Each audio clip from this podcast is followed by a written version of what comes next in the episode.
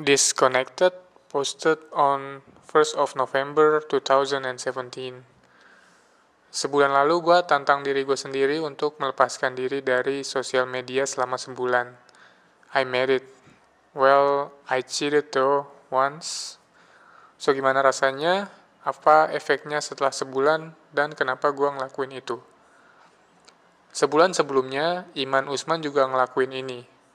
Mungkin terus lu bakal mikir, ah lo mah cuma ikut-ikutan dia doang. Enggak. Sama sekali nggak ada kepik kepikiran kayak gitu. Gue sebenarnya udah kepikiran lama untuk ngelakuin ini, tapi emang gak pernah ada keberanian dan komitmen untuk ngelakuin. Pernah sekali gue coba untuk nggak gunain HP selama sehari, tapi yang ada temen gue sendiri malah ngehujat ngatain kasihan gara-gara jomblo nggak ada yang ngechat. Well, namanya juga netizen. Setelah Iman Usman ngelakuin itu, akhirnya gue merasa terdorong. Dia juga give me a little push dengan balasan dia di komentar gue di postingannya. So I did it, I challenge myself.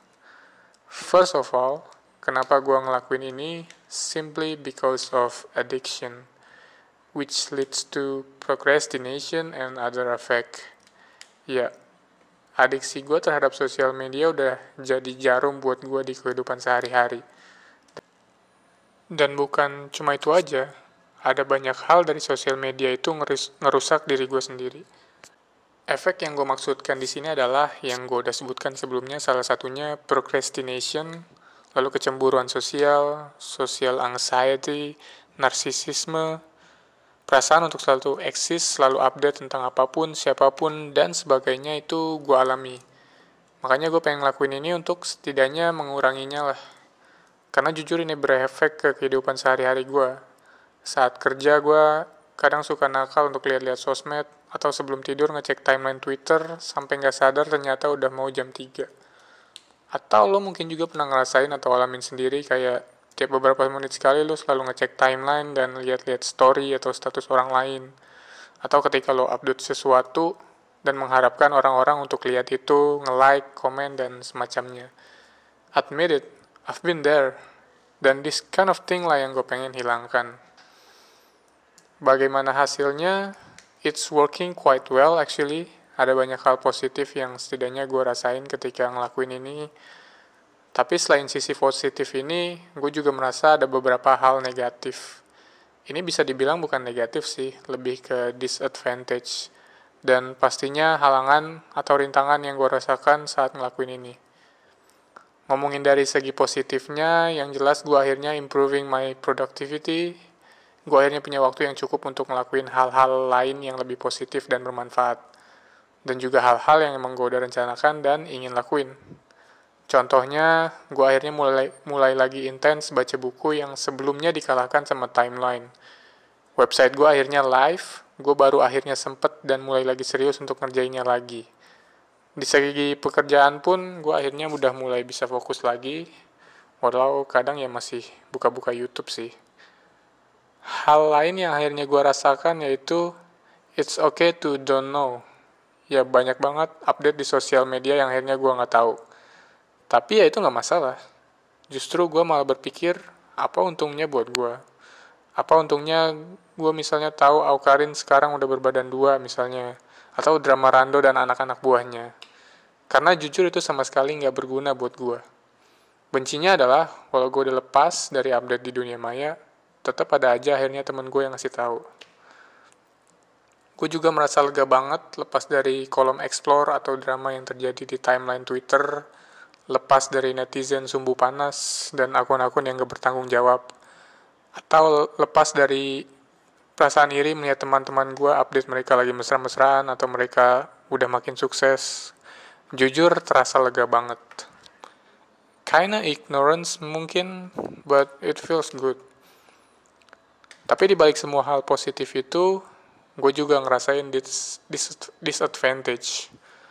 Lo jadi nggak bisa tahu kabar circle lo, teman-teman lo. Mungkin mereka udah mau nikah, atau dalam keadaan kurang baik, atau mereka udah makin sukses sehingga akhirnya kita nggak bisa kasih support. Hal lain yang emang gue pribadi alami adalah berkurangnya media gue untuk cari inspirasi Karena kadang gue buka Twitter atau Instagram bukan untuk nge-stalk doang atau ngecek timeline doang atau lihat-lihat IG story orang. Tapi emang ini porsinya lebih banyak sih. Tapi kadang gue pakai sosial media juga untuk cari inspirasi, update dari dunia pemrograman, front end, cari info-info event dan lain-lainnya.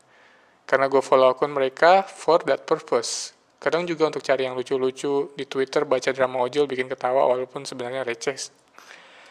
Dan ya itulah kalau berlebihan akhirnya jadi nggak baik. Buat dia namanya juga internet ya pasti ada sisi buruk dan baiknya. So here is my takeaways.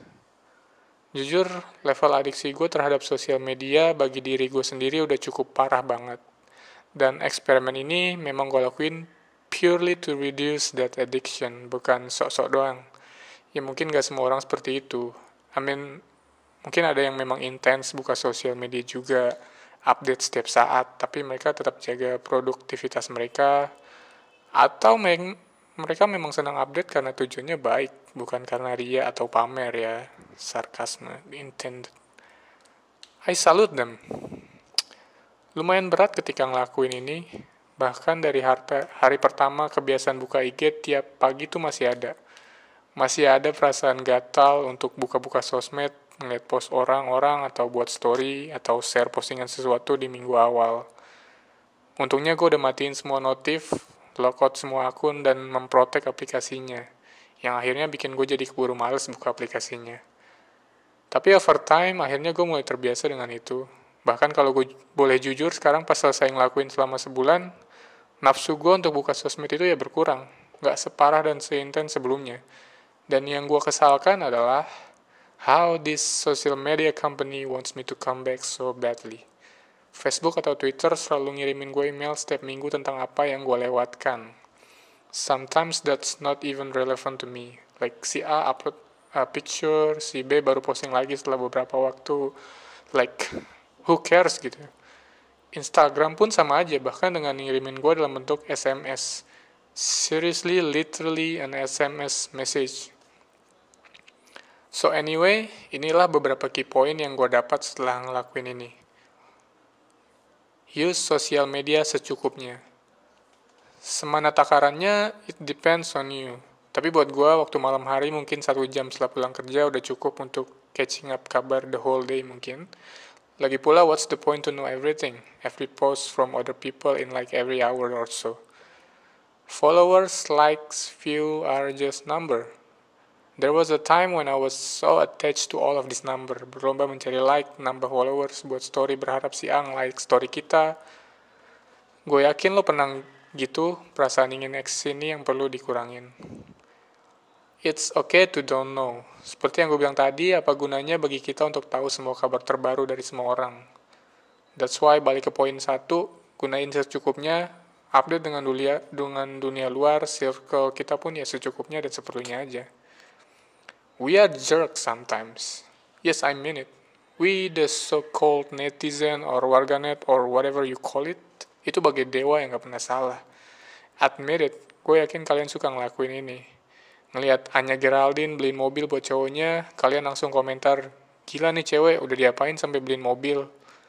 Atau paling nyicil belinya, atau menghujat orang cuma dari postingannya.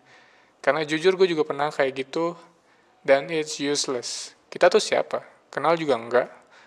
Social anxiety yang kayak gini yang bikin sosial media itu udah nggak sehat, bukan cuma untuk dunia itu sendiri, tapi juga buat kita sendiri. Sekarang bahkan gue lebih senang ketika ngeliat post apa pun itu, gue lebih sering lihat ke kolom komentarnya. It's fucking toxic, man. Balik lagi ke poin gue yang ketiga, lebih baik nggak tahu daripada daripada harus keluar-keluar nggak jelas. Poin terakhir, pada dasarnya kita ini kepo ya makanya kurang-kurangin lah keponya itu beberapa poin dari gua setelah melakukan ini I have to say it's worth it gua nggak bilang semua orang juga harus ngelakuin ini tapi it does help me untuk seenggaknya lebih produktif dan mengurangi anxiety and adiksi gue terhadap sosial media. Akhir kata, gue akan apply beberapa poin yang gue dapat dari eksperimen ini. Gue akan tetap membuka sosial media setelah ini, tapi dengan poin tetap secukupnya aja that's a commitment. Mungkin gue bisa ikut ide dari beberapa orang yang juga melakukan ini dan merubah intensi, intensitasnya jadi buka hanya di weekend aja, itu boleh dicoba. As I said before, social media is a double-edged sword. Whether you wanted to choose to keep it clean inside your pocket or you wanted to show the world how great your sword is by showcasing the blood of the dragon that you have slain is on you. So choose wisely.